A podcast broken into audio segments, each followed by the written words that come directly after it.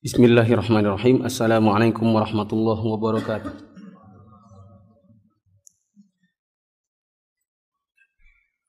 Alhamdulillahi rabbil alamin hamdan yuwafi ni'amahu wa yukafi mazidah kama yuhibbu rabbuna wa yardah wa asyhadu an la ilaha illallah wahdahu la syarikalah wa asyhadu anna muhammadan abduhu wa rasuluhu la nabiyya ba'dah. Hadirin jamaah salat zuhur yang Allah muliakan. Ini adalah hari terakhir untuk kajian bimbingan Islam untuk pemula. Semoga kita bisa menyelesaikannya pada hari ini. Dan sekarang kita masuk di halaman 68. Berjihad di jalan Allah. Jihad hukumnya wajib bagi setiap muslim, baik dengan harta, jiwa, lisan, dan tulisan. Lihat, jihad itu nggak mesti dengan alat perang. Sebagian orang ada yang kalau sudah soal angkat senjata, laju, kenceng banget. Senang banget kalau ada orang kelahi. Karena memang hobi. Ya, kapan ya jihad pakai ini? Aku sudah siap pistol nih. Ada suatu hari saya nggak tahu, tiba-tiba izin masuk grup, habis masuk grup tiba-tiba posting pedang. Halo ikhwan ikhwan, sudah punya ini belum? Ada yang tanya, buat apa? Buat perang. Untuk mau perang di mana di Balikpapan? Kalau buat potong kelapa ya oke. Ya, tapi dia bilang buat perang, buat jihad. Ini adalah kebodohan di sebagian kaum muslimin yang mereka mengira bahwa jihad itu semata-mata dengan dengan alat di medan perang. Tapi yang benar menurut para ulama, jihad itu bisa dengan harta, bisa dengan jiwa, bisa dengan lisan, bisa dengan tulisan, yakni dakwah.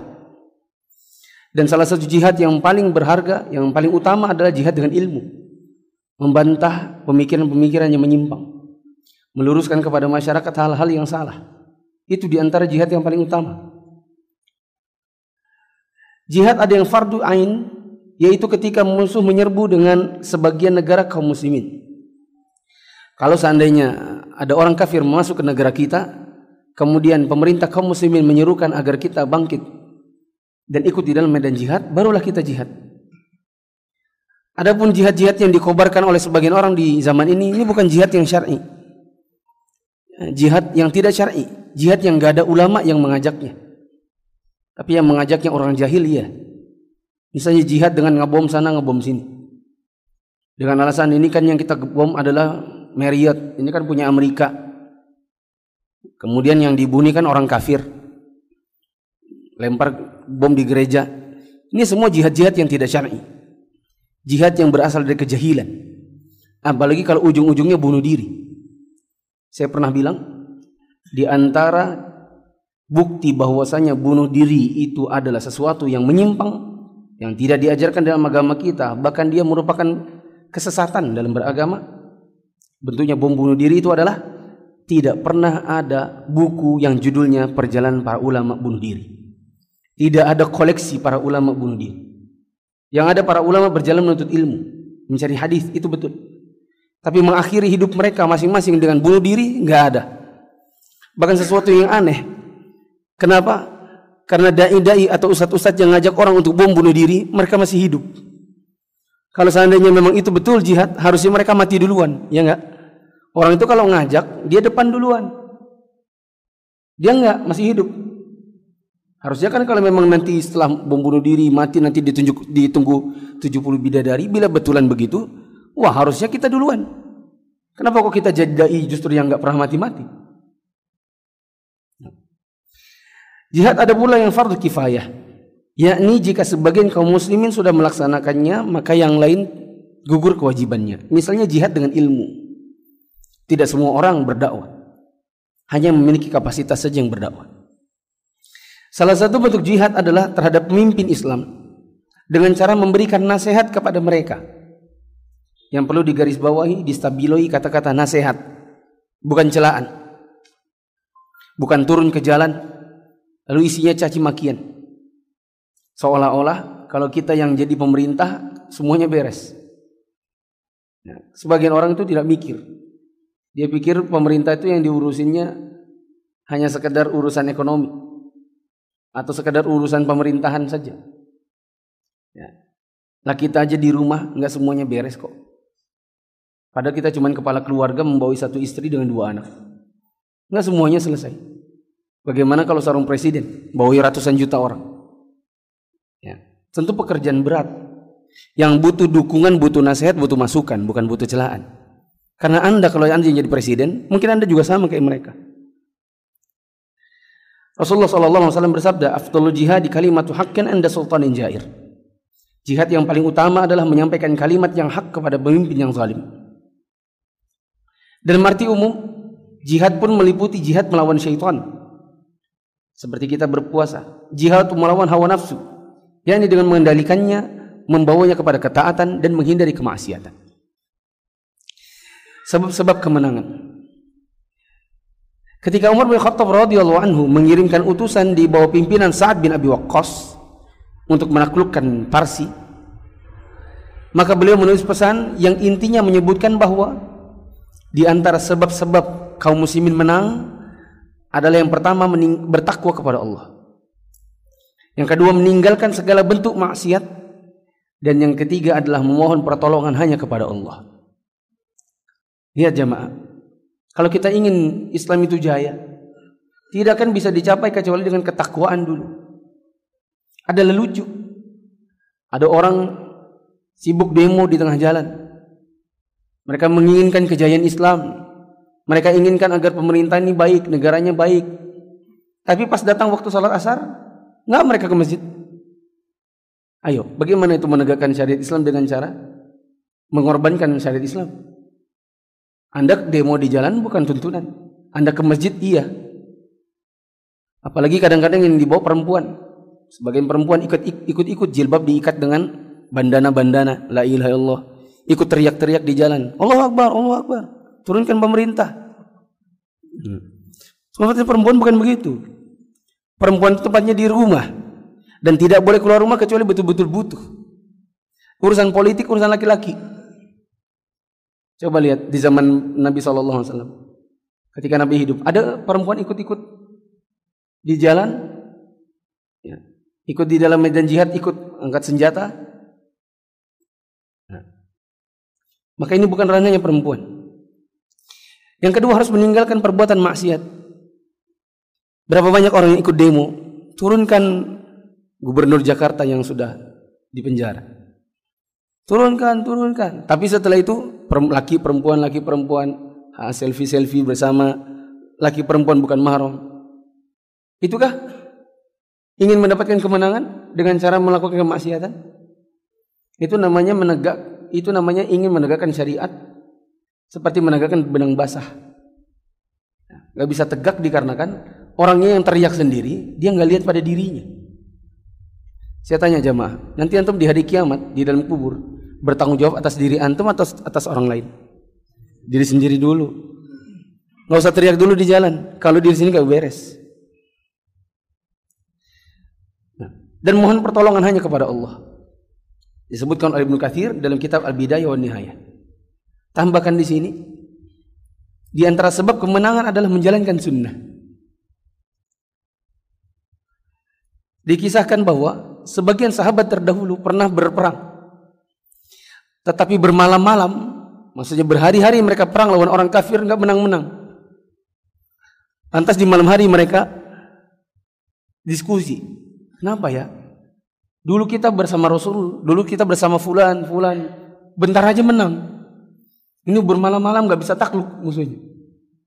Maka orang-orang mengatakan jangan-jangan di antara kita semuanya ada yang meninggalkan sunnah. Coba pikirkan. Mereka berpikir, lalu ada yang celutuk. Saya tahu, tak seorang pun dari kita menggunakan siwak. Pada kebiasaan kita bersiwak. Maka di pagi harinya mereka mencari pohon-pohon arok untuk dipotongi dahan-dahannya, lalu mereka bersiwak. E, mata-mata yang musuh di sebelah sana, kemudian melihat, gila tuh orang-orang Muslim, potongin pohon kayu, gini kan di di mulutnya. Wah kayaknya mereka dapat bantuan jin nih kayaknya. Mata-matanya lari ke tempatnya sana. Dia bilang kita baiknya mundur karena kaum muslimin mendapatkan bantuan dari jin. Mereka ber, ber, bisa menggigit-gigit kayu-kayu. Maka mereka mundur dengan sendirinya tanpa perlawanan. Maju kaum muslimin takluk daerah itu. Kenapa? Karena siwak. Maka di antara sebab kaum muslimin menang adalah menjalankan sunnah. Jamaah yang dirahmati Allah, orang Yahudi itu tidak takut dengan bakar-bakar ban. Mereka nggak takut, malah mereka ketawa. Mereka takut bila kaum muslimin menjalankan sunnah. Makanya orang Yahudi bilang, kami baru takut kepada muslim kalau sholat Jumatnya seperti sholat subuhnya. Antum mikir, eh seperti apa? Sholat, saya ngomong apa tadi? Terbalik kan saya ngomong? Oh, sholat subuhnya seperti sholat Jumatnya. Ya. Uh, sudahlah, lewatin ya wasiat syar'i bagi setiap muslim. Rasulullah SAW bersabda, "Mahakum ri'in muslimin yabitu lailataini walau syai'un yuridu an yusiya fiha fihi illa wasiyatuhu illa wasiyatuhu maktubatun inda ra'sih." Tidak selayaknya seorang muslim bermalam dua malam, yakni safar, sedangkan dia memiliki sesuatu untuk diwasiatkan kecuali hendaklah wasiatnya sudah dituliskan dan diletakkan di sisi kepalanya. Contoh isi wasiat. Saya berwasiat untuk menginfakkan harta sebesar sekian kepada si fulan, fulan, fulan. Untuk diberikan kepada kerabat, tetangga yang fakir, kitab-kitab Islam. Yang perlu distabiloi kalimat setelahnya. Tidak boleh lebih dari sepertiga. Wasiat maksimal sepertiga. Bila isi wasiatnya ternyata adalah lebih dari sepertiga, maka yang ditunaikan nanti cuma sepertiga. Nah, gak boleh ditunaikan sebesar yang dia tulis. Si Fulan memiliki harta 500 juta. Untuk biaya kafannya, biaya kuburnya dan lain-lain 5 juta. Sisa 495 juta. Lalu kemudian dia memiliki hutang kepada orang lain sebesar 195 juta. Sudah dibayarkan hutangnya, sisa berapa? 300 maka yang boleh ditunaikan sebagai wasiat hanya sepertiganya dari yang sisa. Berapa itu? 100. Sisanya baru warisan. Tidak boleh langsung anak-anak berebut berkelahi warisan dulu lah. Sebagian anak-anak itu ada yang mereka jadi orang-orang durhaka manakala wafat orang tuanya. Bahkan sebagian dari mereka memang menunggu matinya bapaknya. Ya, dikarenakan harta yang dia tunggu. Sebelum mati, sesudahnya tuntunan saya untuk membaca kalimat la ilaha illallah.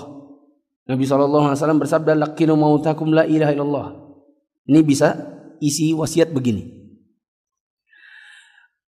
Yang ketiga, wasiat agar yang hadir mendoakanku setelah aku mati. Yang keempat, ia berwasiat hendaklah diam di antara pengantar jenazah. Jangan ada yang nangis-nangis. Yang kelima, dia berwasiat tolong mintakan ampun.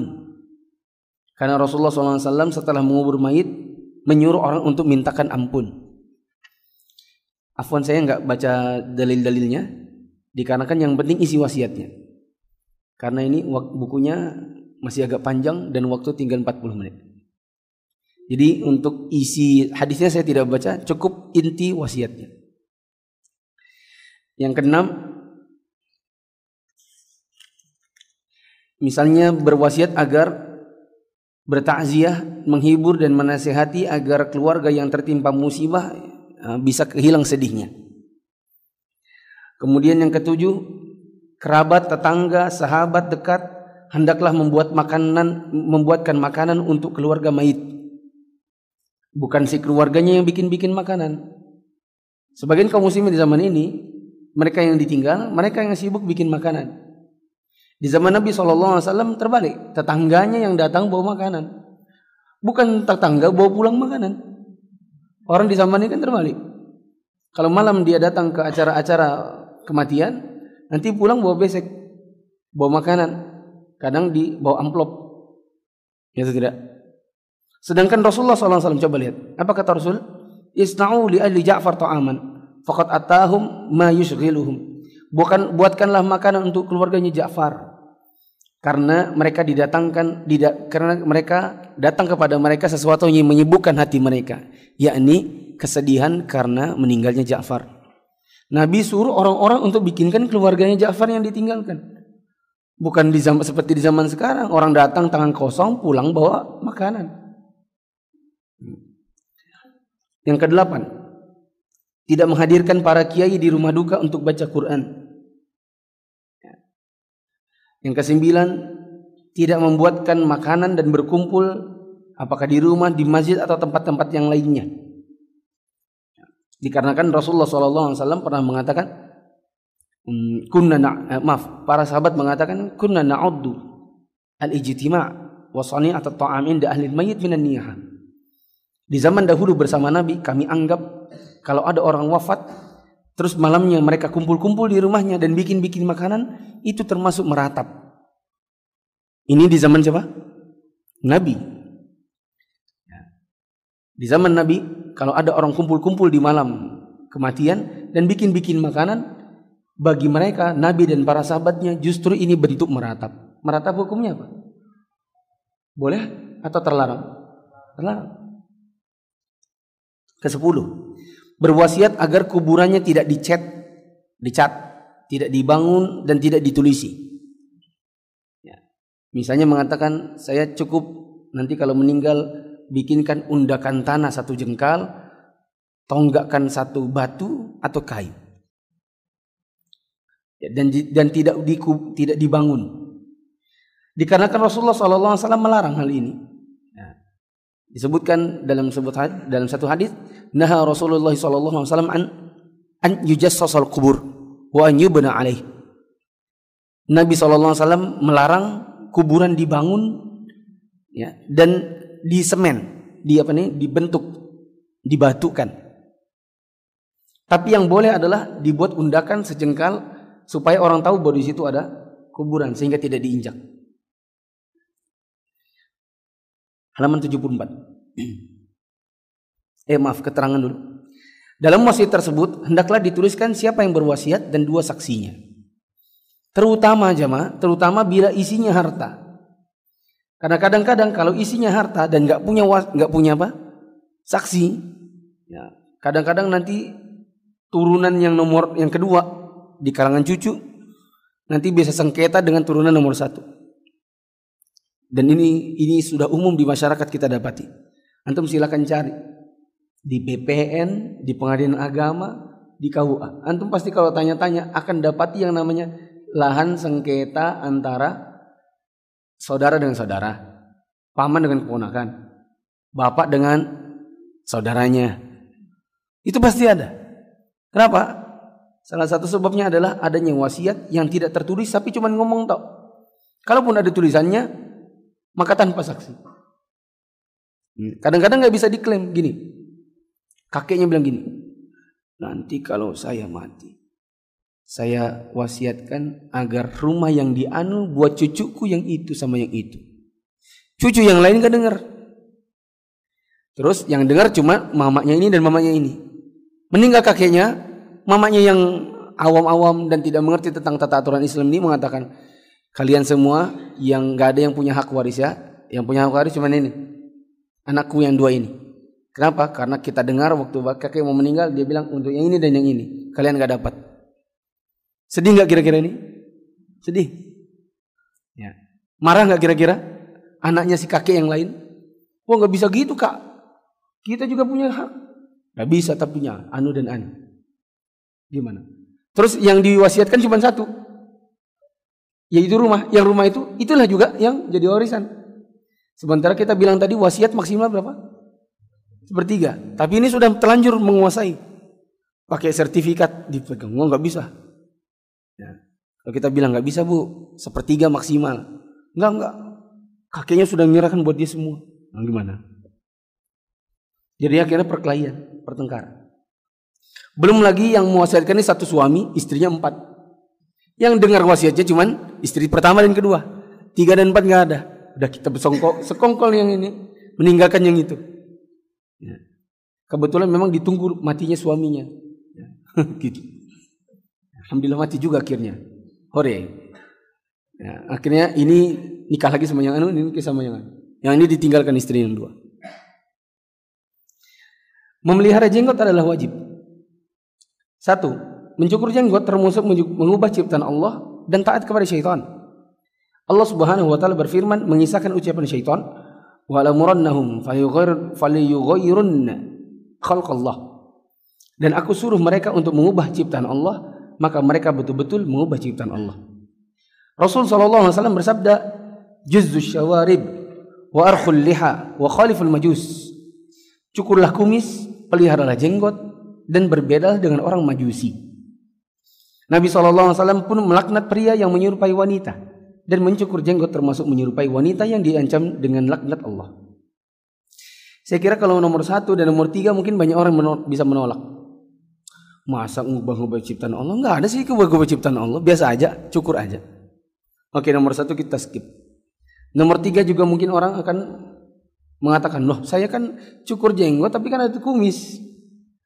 Saya nggak menyerupai wanita. Mana ada wanita mukanya begini? Sehingga kalau nomor satu, nomor tiga, alasan-alasan atau dalil-dalilnya ini mungkin bisa ditolak. Tapi yang nomor satu nggak bisa, yang nomor dua nggak bisa ditolak. Hadis Nabi SAW cukur kumis, pelihara jenggot. Nabi SAW saya pernah ceritakan mengirimkan mengirimkan surat kepada raja siapa namanya Kisra di mana di Persia dirobek-robek surat Nabi dia utus dua orang ketika datang ke hadapan Nabi Nabi ngapain buang muka Nabi SAW buang muka dan mengatakan cih Kok muka kalian begitu? Orang-orang itu mengatakan, memangnya kenapa? Nabi mengatakan, kalian panjangkan kumis dan pendekkan jenggot. Mereka mengatakan, beginilah yang diperintahkan oleh Tuhan kami, Kaisar kami. Maka Nabi SAW mengatakan, ada pun yang diperintahkan oleh Rob kami, yaitu Allah, adalah agar kami meringkas, memendekkan kumis, dan memanjangkan jenggot. Hukum nyanyian dan musik dalam Islam. Hukumnya haram Allah Subhanahu wa taala berfirman, "Wa minan nasi may yashari lahu al-hadits an sabilillah bighairi ilm wa yattakhidhaha huzwa." Dan di antara manusia ada yang mempergunakan perkataan yang tidak berguna untuk menyesatkan manusia dari jalan Allah tanpa sepengetahuan dan menjadikan jalan Allah itu sebagai olok-olokan. Mayoritas ahli tafsir mengatakan yang dimaksud dengan lahwal hadis lahwal hadis atau perkataan yang tak berguna maksudnya adalah nyanyian. Ada nyanyian yang diperbolehkan. Pertama nyanyian di hari raya. Sebagaimana hadis Aisyah radhiyallahu anha yang diriwayatkan Imam Bukhari. Catatan, yang nyanyikan di hari raya cuma anak-anak kecil perempuan. Bukan perempuan dewasa, bukan pula laki-laki dewasa. Hanya anak-anak perempuan. Yang kedua nyanyian yang diiringi rebana pada waktu perkawinan dengan maksud mengumumkan akad nikah. Rasulullah SAW bersabda, "Faslu ma bainal halal wal haram darbud duf wa sawti fil nikah."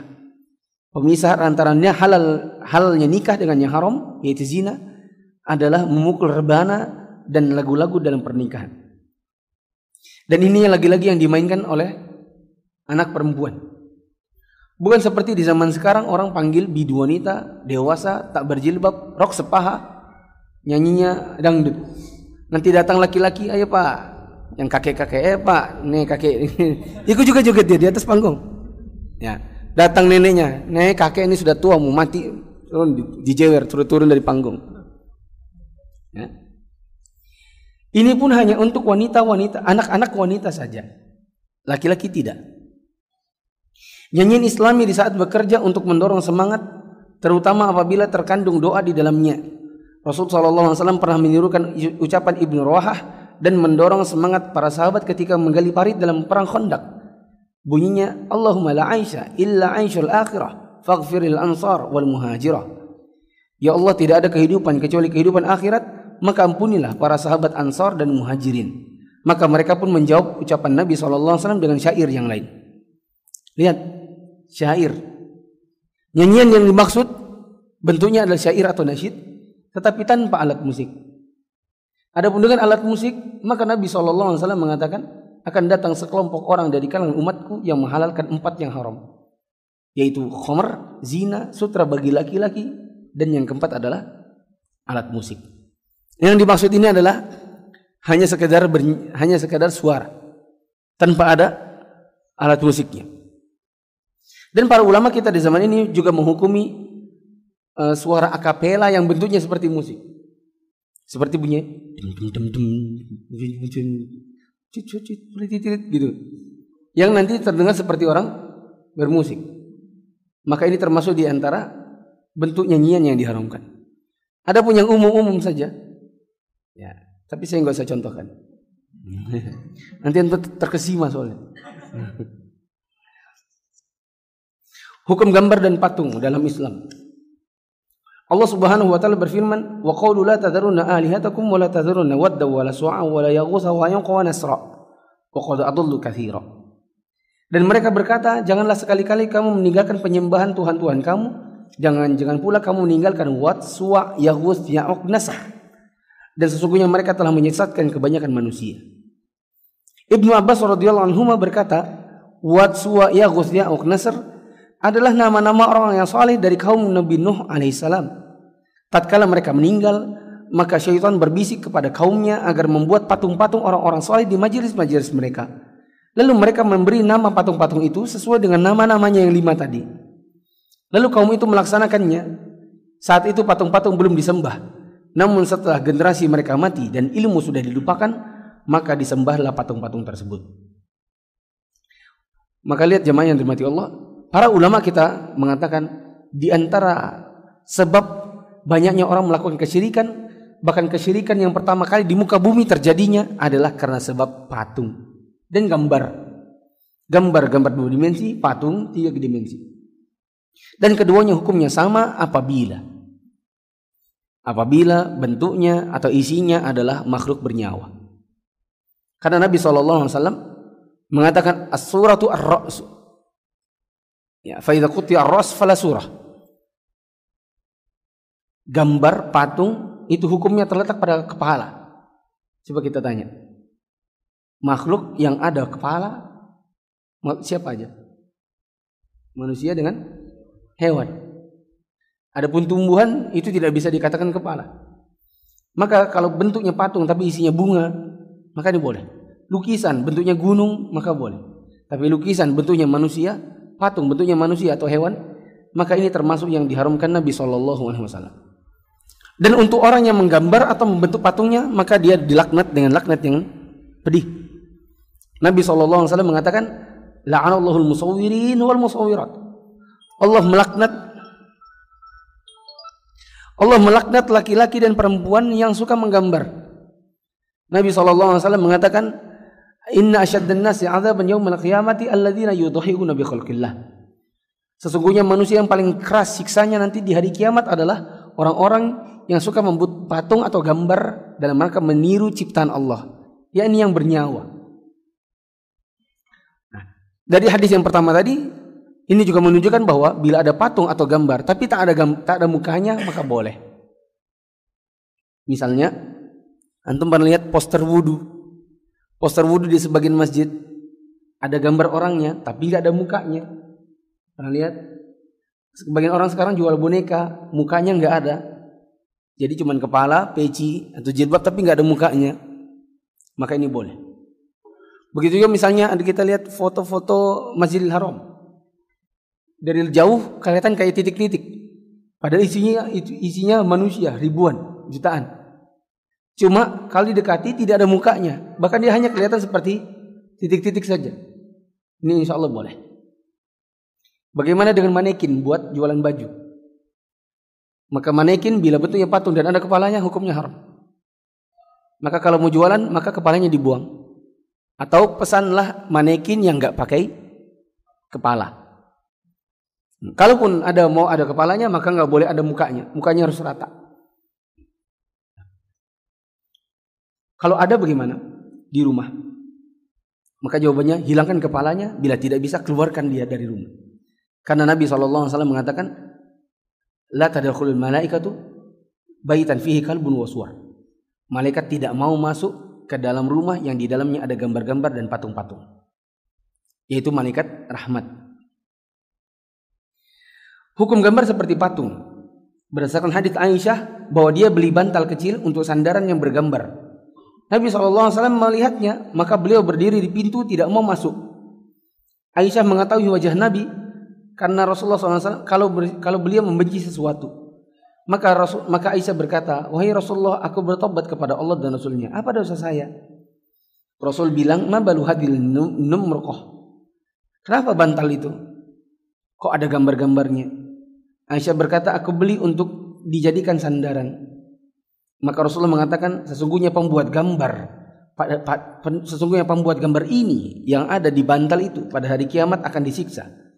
Dikatakan kepada mereka, hidupkanlah apa yang kau buat berupa gambar. Kemudian beliau bersabda, sesungguhnya rumah yang terdapat yang terdapat gambar di dalamnya tidak akan dimasuki malaikat. Ada gambar dan patung yang dibolehkan. Contohnya gambar pohon, bintang, matahari, bulan, gunung, batu, laut, sungai, pemandangan, tempat suci seperti Ka'bah, masjid. Selama tidak ada gambar-gambar manusia dan hewan di sana yang ada kepalanya. Dalilnya adalah kata Ibnu Abbas radhiyallahu anhu, jika engkau tidak jika engkau tidak boleh tidak, engkau harus menggambar, maka gambarlah pohon atau sesuatu yang tidak bernyawa. Perhatikan, saya sebutkan hadisnya lebih lengkap. Suatu hari laki-laki datang kepada Ibnu Abbas.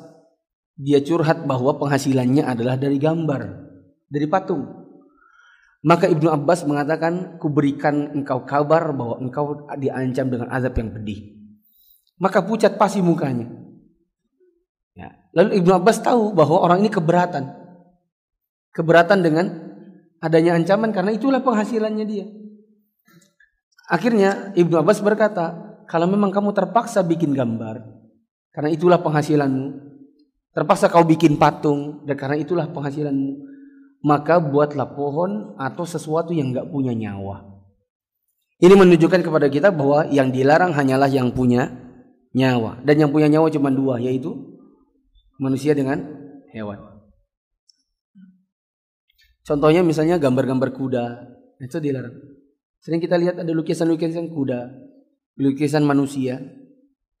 Ya, tetapi lukisan pemandangan, lukisan air terjun, maka ini boleh. Foto pada kartu identitas. Ini juga diperbolehkan karena darurat. Seperti paspor, SIM dan lain-lain. Coba aja antum mau ke polisi bilang, "Pak, saya nggak mau foto." Ya. Atau pas di foto antum gini. Gitu pasti nggak akan keluar SIM-nya. Kalau nggak keluar SIM-nya, antum nggak bisa mengendari kendaraan di jalan. Kalau ketangkap, razia, motorot lebih besar. Begitu juga mau umroh. Semoga kapan-kapan Allah berikan rezekinya. Mau pergi umroh, bikin paspor tapi nggak mau foto, nggak bisa. KTP. Ketiga foto pembunuh, pencuri dan penjahat untuk diproses. Misalnya tulisannya orang bilang wanted. Ya, bandit-bandit wanted wanted. Maka ini termasuk di antara yang boleh. Mainan anak perempuan yang terbuat dengan kain seperti boneka anak kecil yang dikasih baju dengan tujuan untuk mendidik anak. Ya bagaimana lagi bagaimana jika dia jadi ibu? Dalilnya adalah perkataan Aisyah radhiyallahu anha saya dulu main-main boneka bentuknya anak perempuan di sisi Nabi. Tapi ingat nggak dikasih apa? Muka rokok. Ngeri-ngeri ya.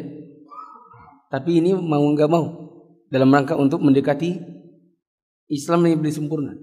Jenggot harus pelihara. Musik harus tinggalkan. Ganti dengan ah, jangan ganti genre. Nanti ganti genre. Oh dangdut gak boleh tadi, harus ganti rock. Rock Islami yang nyanyi mantan-mantan musisi rock yang nggak laku di pasaran rocknya. Ganti banting setir pakai sorban laku. Nah. patung dan gambar. Ini harus ditinggalkan dibuang dihilangkan wajahnya minimal. Kecuali kalau gambar itu tidak bernyawa. Berikutnya harus meninggalkan rokok. Rokok memang tidak ada di zaman Nabi akan tetapi Islam telah datang dengan kaidah-kaidah umum yang melarang segala sesuatu yang berbahaya bagi tubuh, mengganggu tetangga, atau menyia-nyiakan harta. Dan rokok ada tiga-tiganya. Coba yang merokok. Saya tanya nih yang merokok. Merokok itu mengganggu kesehatan tubuh. Betul? Betul. Masya Allah merokok semua kan? mengganggu tetangga. Betul? Betul. Kan nggak ada orang ini. Glek, kan nggak ada. Semua fuh. Kadang itu dilakukan di angkot. menyia-nyiakan harta, betul? Betul, coba ditabung. Coba antum tabung uang rokok itu satu hari satu, satu bungkus. Berapa sebungkus? Dua puluh ribu. Kali setahun, 365. Berapa berarti? Tujuh, tujuh juta sekian ya. Nabung tiga tahun. Bisa umur antum. Itu enggak? Ngerokok tiga tahun, nggak dapat apa-apa. Dapatnya kese kerusaknya kesehatan. Masuk rumah sakit. Itu enggak? Tapi tiga tahun nggak ngerokok, nabung, bisa umroh. Coba kalau jadi cerdas yang mana dipilih? Kalau cerdas ya. Saya pernah ngisi di sebuah perusahaan uh, hari safety ceritanya, healthy healthy day ke apalah tentang rokok. Saya jadi pembicara. Ketika ayah ada pertanyaan, wah, itu berdiri. Tahukah anda Ustadz ini nggak gaul? Yang namanya rokok itu sebenarnya baik, banyak baiknya. Kami setiap mereka merokok, lima rupiah kami sumbangkan ke kas negara per batangnya. Kita nyumbang untuk kas negara, kata dia. Oh, rokok itu anu-anu mempekerjakan para petani tembakau. Anu-anu banyak manfaatnya. Hmm. Sudah selesai Pak? Sudah. Saya, saya karena dia ngomongnya agak keras dan agak kasar, tak tambah. Karena saya bilang, teman-teman yang dirahmati Allah, lima rupiah dari perbatang yang anda masukkan ke negara, nggak sebanding dengan yang negara harus keluarkan buat anda para perokok yang ditanggung di rumah sakit lewat BPJS, lewat ini, lewat itu. Jangan berpikir anda punya jasa pada negara ini. Anda justru merugikan negara. Karena salah satu orang yang paling banyak dirawat di rumah sakit itu gara-gara rokok. Yang banyaknya orang miskin. Sudah BPJS yang nggak bayar, Pemerintah yang suruh nanggung. Berapa lima rupiah yang anda berikan? Gak sebanding, anda bisa kalkulasi. Tadi bilang apa? Petani tembakau. Nggak ada yang namanya petani, petani tembakau. Coba diganti dengan yang lain. Sayur hidroponik. Apakah mati mereka? Enggak. Bahkan pendapatannya bisa jadi lebih bagus, lebih besar. Tam, eh, banyak yang didiskusikan. Tadi dikata-kata gini, rokok nggak di zaman Nabi. Ini salah satu dalilnya yang merokok. Gak ada zaman Nabi kok diharamkan. Kita tanya, emang YouTube, Facebook kalau isinya adalah wanita-wanita bergambar porno, emang boleh?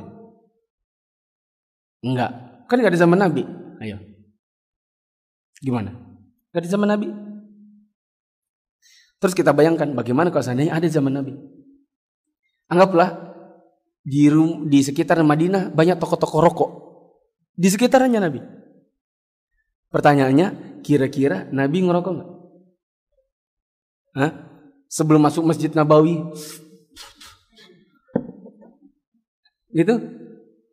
Coba ganti Abu Jahal. Oh. Cocok? Cocok.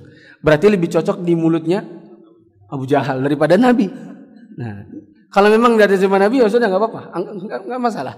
Tapi anda bayangkan kalau ada zaman Nabi, rokok itu lebih cocok di mulutnya Abu Jahal, Abu Gosok, Abu Lahab dan misalkan kawan. Timbang Nabi Abu Bakar dan lawan-lawan. Kalau Nabi dan Abu Bakar siwa. Bukan rokok. Allah Subhanahu wa taala berfirman, "Janganlah kau jatuhkan diri kalian dalam kebinasaan." Dan rokok dapat mengakibatkan penyakit kanker, paru-paru dan lain-lain. Rasulullah Allah Subhanahu wa taala berfirman, "Janganlah kalian bunuh diri kalian dan rokok membunuhmu." Ya kan? Tiga, Nabi SAW bersabda, dan Allah membenci jika kalian menyia-nyiakan harta. Dan rokok itu menyia-nyiakan harta. Mayoritas ahli fikih mengharamkan rokok. Adapun yang tidak mengharamkannya dikarenakan dia belum melihat bahayanya. Ini coret salah. Saya yang, yang benar adalah di, adapun yang tidak mengharamkannya karena dia ngerokok. Nggak ada ulama di zaman ini yang bilang makruh kecuali dia sendiri juga ngerokok. Ya tidak. Hatta di, di ormas terbesar di Indonesia ini. Ketuanya yang terbesar di ormas terbesar di Indonesia ini. Kalau lagi kajian, kalau lagi ada bahasul masail, sama lagi ngerokok. Nah. Berpegangnya para mujtahid pada hadis. Para imam yang empat, mereka telah melakukan ijtihad sesuai dengan hadis yang telah sampai kepada mereka. Perbedaan pendapat di antara mereka dikarenakan para imam ada imam yang telah sampai hadis kepadanya, sedangkan yang lain belum mendengarnya. Oleh karena itu, ketika melihat bahwa Imam Syafi'i meninggalkan pendapat yang lama, mengeluarkan pendapat baru, setelah beliau mempertimbangkan hadis-hadis yang baru dia dengar. Oleh karena itu, jika seorang muslim telah mendengar hadis sahih, maka tidak boleh dia menolaknya dengan alasan bertentangan dengan mazhab Syafi'i. Padahal para imam mazhab telah sepakat untuk mengambil hadis sahih dan meninggalkan pendapat mereka bila bertentangan dengan hadis sahih. Imam Malik berkata, tak seorang pun setelah Nabi kecuali perkataannya boleh diambil, boleh ditinggalkan. Imam Abu Hanifah berkata, jika pendapatku menyalahi kitabullah dan hadis, maka tinggalkan pendapatku. Imam Syafi'i berkata, jika hadis itu terbukti sahih, maka hadis itulah mazhabku. Imam Ahmad berkata, barang siapa menolak hadis Rasulullah SAW, maka dia berada di jurang kebinasaan. Lihat jemaah, di zaman ini ada dai nomor satu viral di Indonesia. Selalu yang yang menjadi banyak syubhat, alasannya di antaranya adalah karena imam madhab pun berpendapat demikian. Ya, tadi malam saya ngisi pengajian di rumah keluarga. Keluarga saya bilang, kata Ustadz Anu, nggak apa-apa ini, nggak apa-apa ini, nggak apa-apa ini, selama semuanya itu madhab imam madhab madhab meyakininya. Maka kita jawab, Para imam mazhab bilang, kalau seandainya kalian dapati hadis sahih dan hadis itu bertentangan dengan pendapatku, buang pendapatku ke tembok. Yang kedua, para imam itu kadang mereka menyelisih hadis karena memang mereka tidak menguasai seluruh ilmu. Tidak ada yang menguasai total seluruh ilmu agama kecuali Nabi. Setiap dari manusia di zaman ini pasti ada luput. Buktinya Imam Syafi'i bilang kepada muridnya Imam Ahmad. Kata Imam Syafi'i, Ahmad, ini murid. Kamu untuk urusan hadis lebih utama dariku, lebih fakih. Menunjukkan bahwa Imam Syafi'i meyakini bahwa dirinya untuk urusan hadis tidak lebih pintar daripada Imam Ahmad. Ini menunjukkan bahwa para imam itu semuanya tidak menguasai seluruh ilmu, enggak. Ada yang luput. Kadang mereka ini dengar hadis yang itu belum dengar. Ini dengar hadisnya yang ini belum dengar. Belum sampai ilmunya. Sehingga kalau ada seandainya pendapat-pendapat imam mazhab yang menyelisih dalil, kita wajib bilang ini menyelisih dalil, salah, tidak sesuai sunnah, tinggalkan. Contoh, Imam Abu Hanifah membolehkan nikah tanpa wali. Bagi dalam mazhab Hanafi ya, boleh nikah tanpa wali. Dan antum bayangkan kalau seandainya Indonesia bermazhab Hanafi, berapa banyak orang zina. Dengan alasan baru aja nikah. Mana walimu? Nggak ada. Kan dalam mazhab Hanafi boleh nikah tanpa wali. Banyak orang zina nanti. Dan ini bertentangan dengan hadis sahih karena Nabi mengatakan la nikah illa biwali. Tidak tidak ada yang namanya pernikahan kecuali dengan wali. Ya. Dan masih banyak lagi. Imam Syafi'i pun sama, memiliki banyak pendapat-pendapat yang bertentangan dengan sunnah. Ya, kalau ada nanti yang protes, Ustadz siapa itu? Kecil-kecil, mungil, gendut-gendut, cabi-cabi. Bisa-bisanya mengelitik Imam Syafi'i. Siapa yang dia maksudnya kira-kira? Karena saya sudah dengar begitu. Apa Ustaz itu? Kecil-kecil berani-berani mengetik Imam Syafi'i. Ada yang bilang, Ustaz kayaknya antum itu. saya bilang, ya udah gak apa-apa.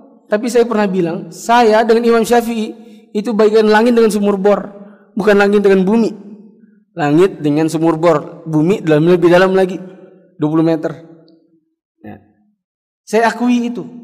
Tetapi kritik yang saya sampaikan bukan kritik pribadi, tapi kritiknya Imam Ahmad kepada beliau, kritiknya Imam Malik kepada Imam Syafi'i pada sebagian masalah. Saya cuma menukil apa yang menurut saya, apa yang saya yakini lebih sesuai dengan sunnah dengan menolak yang tidak sesuai dengan sunnah. Saya dengan Ibu Abu Hanifah nggak ada apa-apanya, jauh kali langit sumur minyak. Ya. Tapi saya bisa saya berani mengatakan Imam Abu Hanifah salah ketika dia membolehkan orang nikah tanpa wali. Siapa kamu kecil-kecil gendut-gendut bisa-bisanya mengelakkan Abu Hanifah? Saya bilang bukan saya yang ngomong. Tapi para imam madhab yang lain yang tiga. Mereka tidak sepakat karena Nabi SAW mengatakan tidak ada pernikahan kecuali tanpa wali. Maka untuk dai-dai yang zaman sekarang, antum jangan sampai terpengaruh. Karena antum kuota murah tuh. Dikit-dikit kajian kah? Kajian saya setiap hari kajian. Di mana? Di kajian YouTube ya. Ya. Ada madrasah YouTube Nah, buatannya sejainal. nonton YouTube terus. Kebetulan yang paling viral adalah yang kebetulan yang lucu. Ih lucu, ha. Cari yang lain lah, lucu. Ha, lucu. Tapi antum nggak sadar, nggak sadar, syubhat masuk ke sini. Nggak bisa keluar. Apa syubhatnya? Semua boleh selama ada imam mazhabnya. Kalau gitu kawin lari tanpa bapak boleh karena ada imam mazhabnya. Iya tanda. Iya tanda. Nah. Sampai mana tadi? Cepat. Tinggal lima menit. Uh, jadilah hamba-hamba Allah yang bersaudara. Rasulullah SAW bersabda, janganlah kamu saling dengki, saling benci, saling mencari-cari rahasia orang, saling bersaing dengan persaingan yang tidak sehat. Saling mencari aib orang, saling menawar dengan tawaran yang lebih tinggi tanpa maksud untuk beli. Coba lihat. Ini nggak bisa nggak harus diberi contoh soalnya. Hmm? Saling bersaing dengan persaingan yang tidak sehat, misalnya menghasut, jangan, jangan beli di situ, nggak bagus, gitu. Jangan, sini aja, gitu. Jangan terbusuk-busuk. Contoh saling menawarkan dengan tawaran lebih tinggi tanpa maksud beli. Misalnya begini. Hmm, lelang. Ya, saya lelang HP saya ini. Dimulai dari angka nol. Silakan. 100 ribu. Ayo, yang ada yang lebih tinggi. 300 ribu. Ada yang lebih tinggi. Sejuta. Dua juta. Tiga juta. Rupanya dari peserta yang ngomong ini Misalnya tiga itu sebenarnya nggak niat beli, tapi supaya membantu yang nomor satu, eh supaya membantu si penjual. Kamu ini tawar ya, tawar ya, tawarnya jadi lebih tinggi, lebih tinggi, lebih tinggi. Paham ini? Nanti kan ini jadi lebih tinggi, dapatnya lebih banyak. Nanti kamu kasih, kasih, kasih. Paham ini? Termasuk di zaman sekarang yang pura-pura murah padahal mahal. Atau mampir ke toko atau ke pasar Berapa bu cabenya? Eh, empat puluh ribu sekilo. Bih mahalnya. Ada yang di sini ikut-ikut. Ih murahnya di situ lima puluh ribu loh gitu. Enggak? Iya kak pak. Iya sana lima puluh ribu ini empat puluh ribu murah ini. Iya kak. Ya terhasut ini. Ya, sudah beli aja. Beli aja bu, bang murah itu. Sekalinya setelah dia keluar, eh dua puluh lima ribu.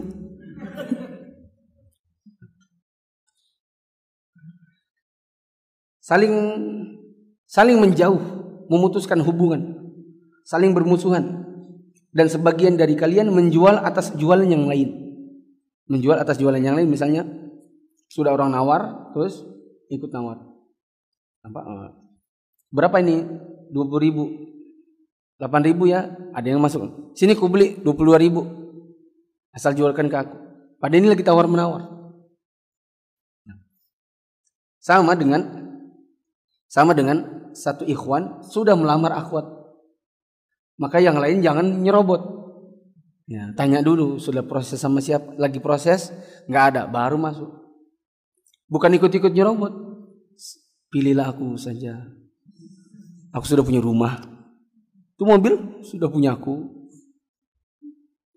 High quality jomblo. Nah, itu nyerobot namanya. Tapi saya katakan kecuali bila yang diserobot rela. Makanya boleh. Lihat.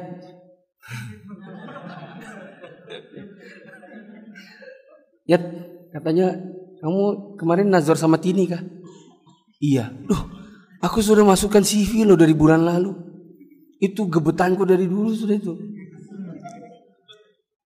Terus dia mau bersaing. Kamu juga kah? Iya. Gak apa-apa, lamar aja. Kita lihat siapa yang diterima.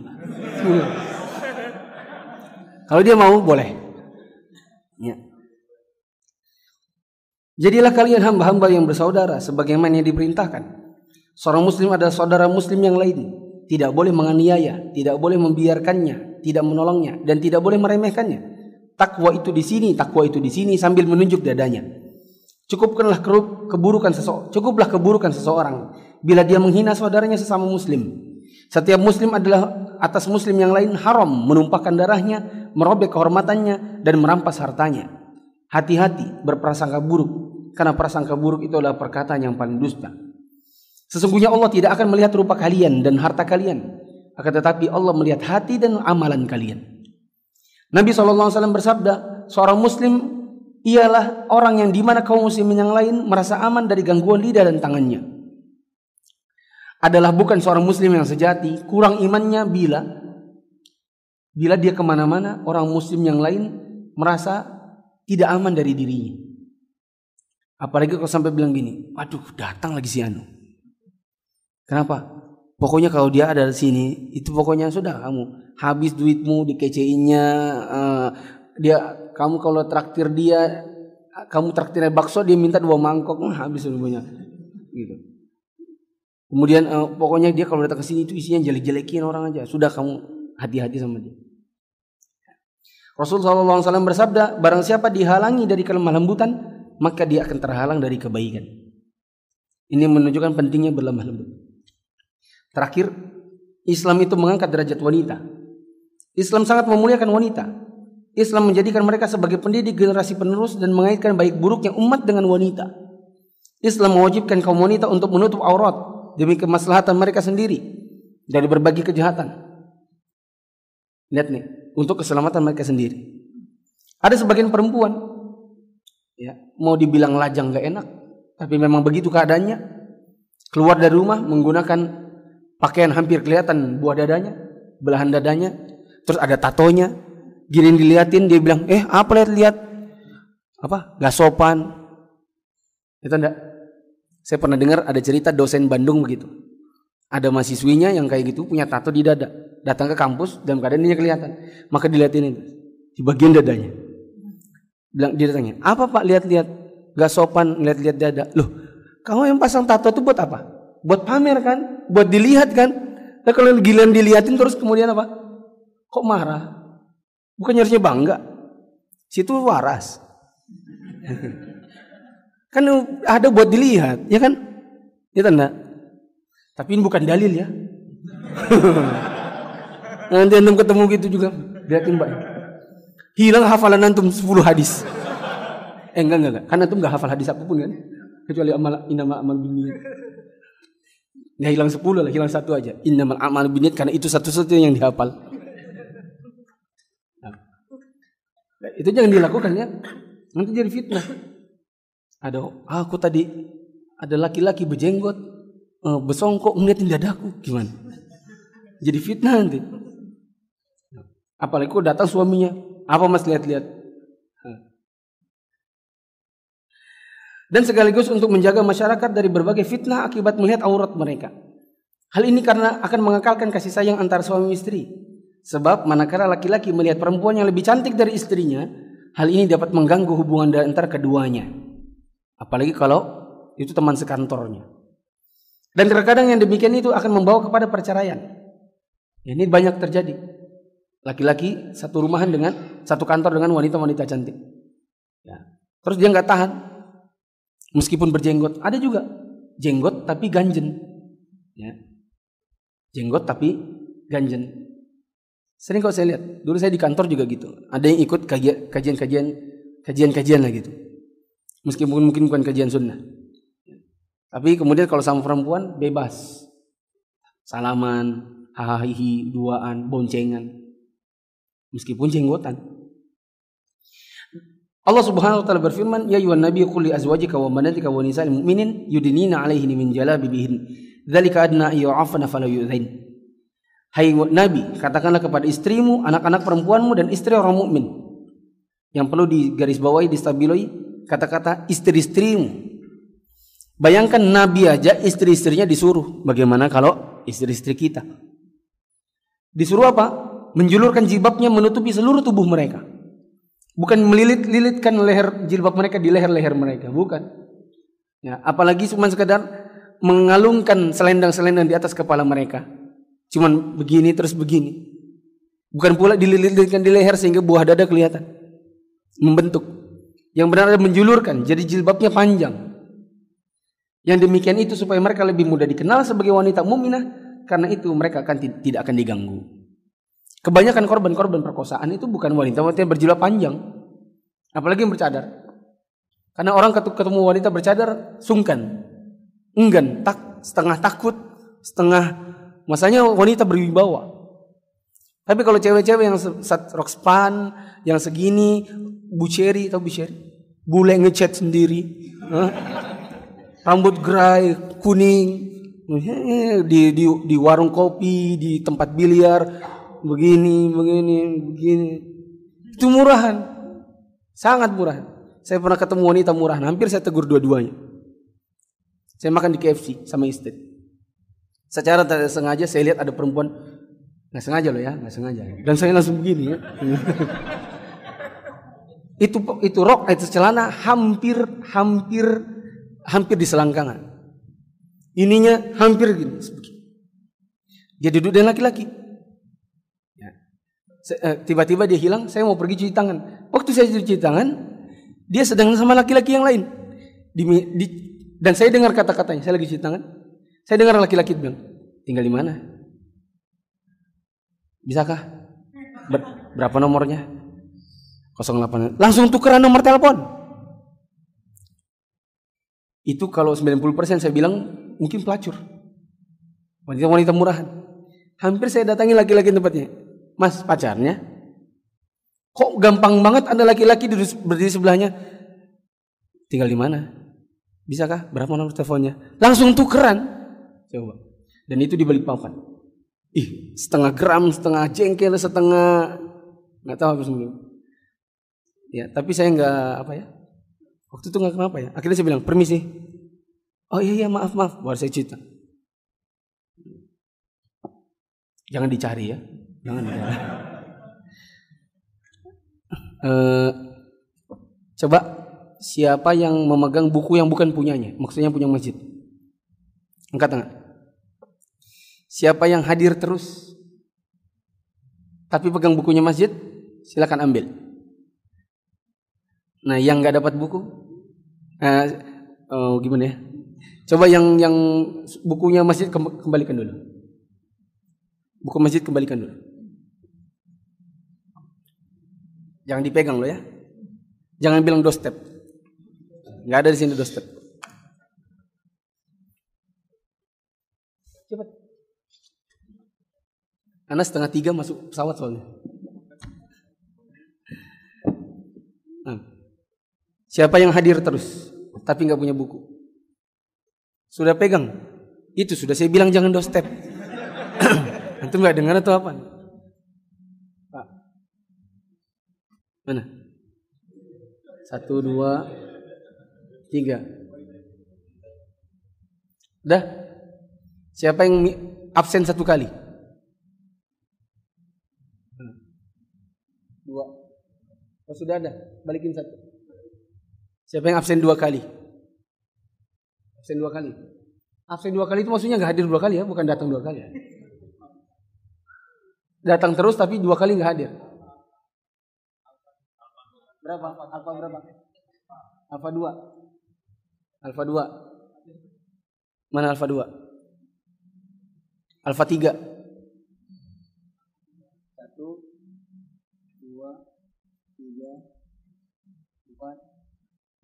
belakang 5, belakang 6, alfa 3. Habis. Yang rumahnya paling jauh. Rumah jauh. Rapatan. Mana? Yang baru. Lu antum gak punya kah? Yang paling tua? Yang paling tua. Berapa, Pak? Umur, Pak? Sudah punya buku? 58. Ada yang ngalahin 58? Punya buku, Pak? Yang paling muda? Ngalahin dia? Itu. Sisa empat. Kuis. Sebutkan nama raja yang disolatkan secara goib. Mana katakan? Siapa yang bilang? Oh sudah, sudah. Sebutkan Raja Najasyi. Uh, yang mau bertanya angkat tangan.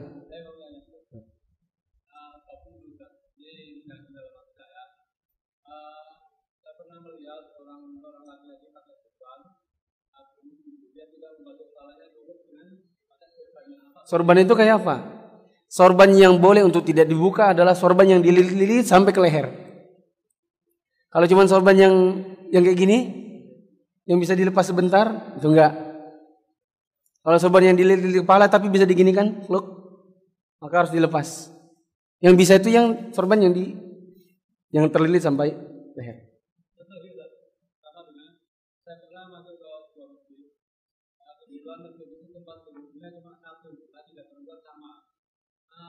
saya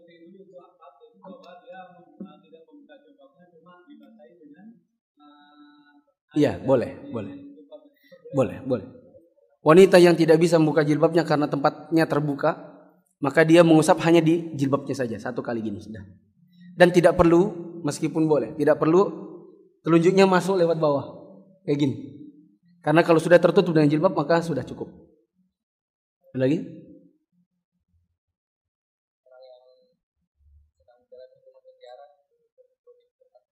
Apa? Apa itu? Orang yang penjara. Di penjara, iya. Pokoknya ada dia jiwanya ada, kecuali dia miskin. Misalnya keluarganya bayarkan dia. Bolehkah memberikan wasiat kepada ahli waris? Maksudnya selain dapat warisan, dapat wasiat juga.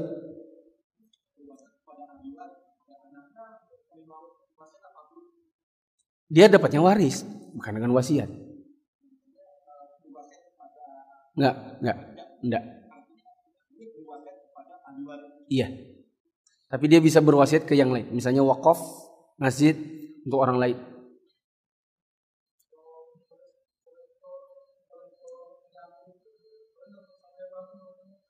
Apa yang dikoleksi?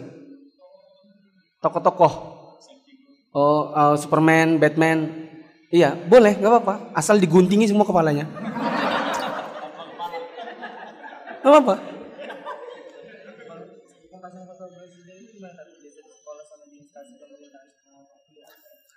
Uh, sama, meskipun itu adalah presiden, wakil presiden, ada gambar burung, itu semua adalah foto-foto bernyawa. Maka memang tidak di sana nggak boleh, secara syar'i ya. Tetapi bila misalnya ada sekolah takut nanti ditutup, takut ini dianggap melanggar, tidak keluar izin dan lain-lain, ya maka ketika datang pengawas pasang. Pulang pengawas turunkan lagi. Atau di dibolak-balik ini. Datang pengawas balik. Pulang pengawasnya tutup. Hmm.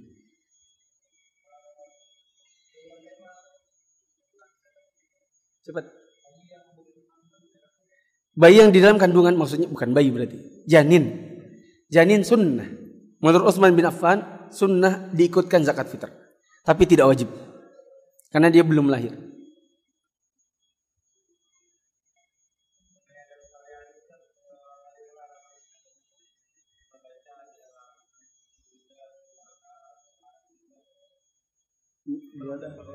Oh dilarang meludah ke arah kiblat. Yang utamanya aja. E, misalnya petunjuk Nabi untuk orang yang terganggu dalam sholatnya. Misalnya dia terganggu dalam sholatnya, maka dia mengucapkan Alhamdulillah minasyaitonirrajim, kemudian sambil menoleh ke kiri lalu bernafas namanya. Berludah. Tapi bukan oh cuh, cuh. Bukan begitu. Apalagi kalau di sebelahnya ada orang. Ya, tapi cuma gini. Cuman uh, terakhir sudah.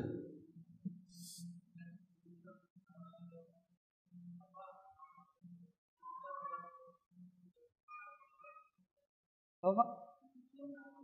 Wudunya orang stroke.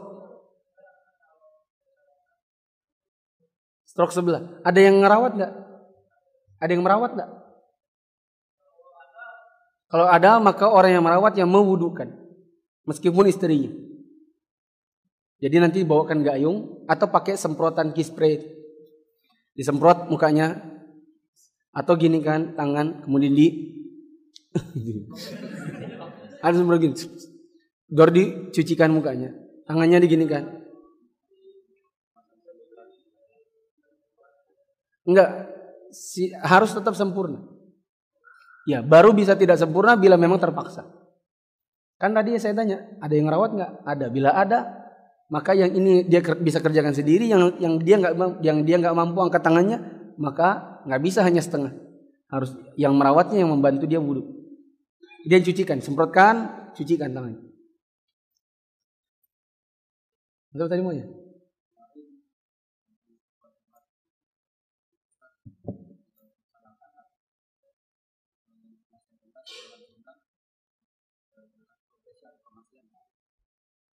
Memang nggak ada. Zakat profesi di dalam sunnah nggak ada. Ijtihad sebagian orang ada. Dan tidak tidak ada ijtihad bila tidak didukung dengan dalil. Harus dengan dalil yang menunjang. Apalagi zakat profesi itu nisab mengikuti zakat pertanian. Eh, uh, nisab mengikuti tanpa nisab mengikuti zakat tambang. Dura, uh, kapan waktu bayarnya mengikuti zakat pertanian besaran zakatnya ngikuti zakat emas. Jadi campur aduk. Nah, pakai ini sok, ini, ini, ini. Menurut praktek orang zaman ini. Catatan. Zakat profesi itu sebenarnya yang difatwakan misalnya oleh MUI itu tetap memperhatikan nisab dan haul. Orang di zaman ini aja yang lembaga-lembaga zakat swasta itu aja yang yang mengklaim sok sesuai dengan MUI, padahal MUI enggak. Bisa bagian bisa dibaca di fatwa MUI agak-agak atas tengah agak bawah. Tapi nggak penting soal letak, nggak penting soal letak. Baca aja, tetap memperhatikan soal haul dan nisab. Itu zakat profesi yang ada dari MUI. Orang di zaman ini aja yang mengklaim, ini kan ada fatwa MUI. Betul ada fatwa MUI-nya, bila kau prakteknya seperti yang difatwakan MUI. Dah terakhir. Ini habis ini betul-betul nggak ada terakhir. Saya setengah tiga harus masuk pesawat. Zakat harta kalau apa? Uang. Zakat uang nisabnya adalah tahun ini kurang lebih 57 juta. 57 juta. Dan sudah dimiliki selama setahun. Dibayarkan dua setengah persen. Siapa yang mau?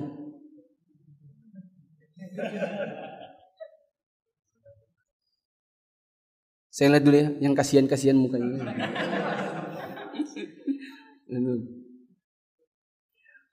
Bapak, ini apa Pak? Pilot kah apa? Pilot kah? Oh. Jangan dibaca ya nanti belok pesawatnya. Pak.